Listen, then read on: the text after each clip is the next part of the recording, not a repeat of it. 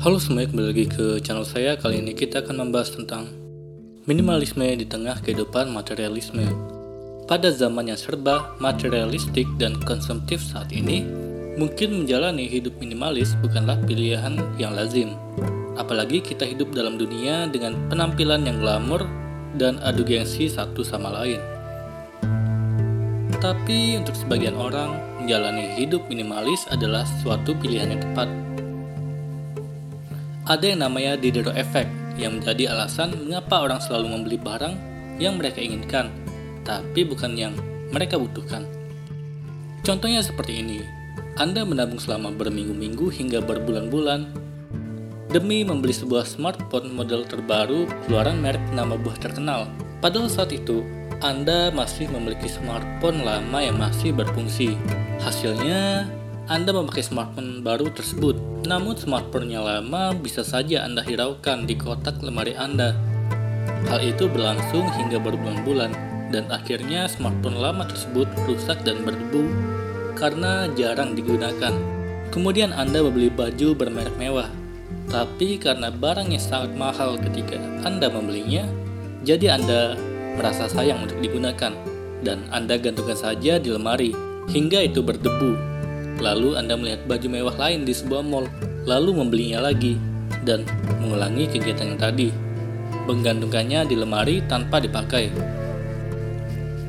Kemudian Anda melihat lemari Anda sudah terlalu usang dan membeli yang baru.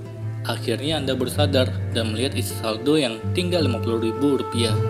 Pada dasarnya, sifat dasar manusia itu suka menambah, mengumpulkan, memperbarui, dan membangun. Karena itulah, Minimalisme dibuat untuk melawan sifat-sifat dasar itu dengan menyingkirkan hal-hal yang berlebihan dan tidak bermanfaat tadi. Akan tetapi, minimalisme tidak hanya selalu tentang menghemat uang dan waktu Anda.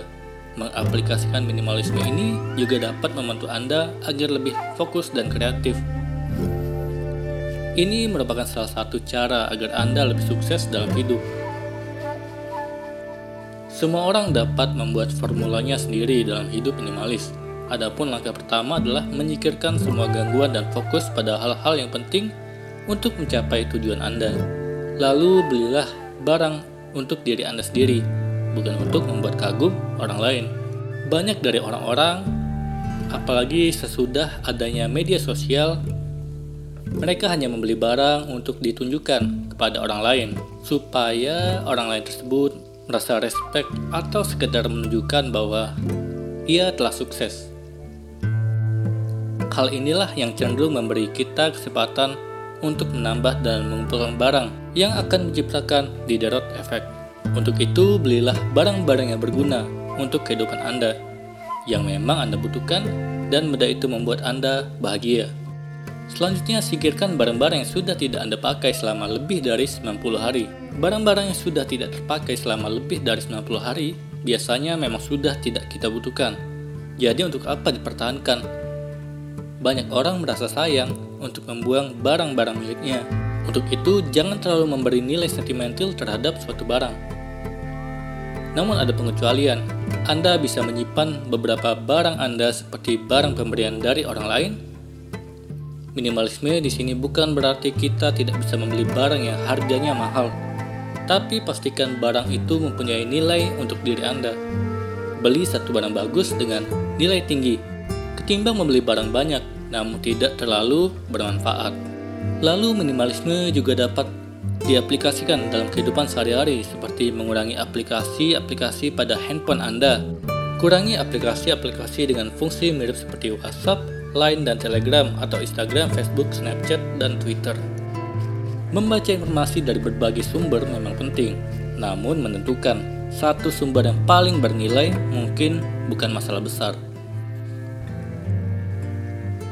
Juga lingkup pertemanan kita dapat kita minimaliskan dengan membuat lingkaran yang lebih kecil sehingga akan mengurangi kesempatan kita untuk bertemu dengan teman yang toksik dan cenderung membebani hidup diri kita berkumpulan dengan orang-orang yang menghargai Anda dan memberikan input positif untuk kehidupan Anda.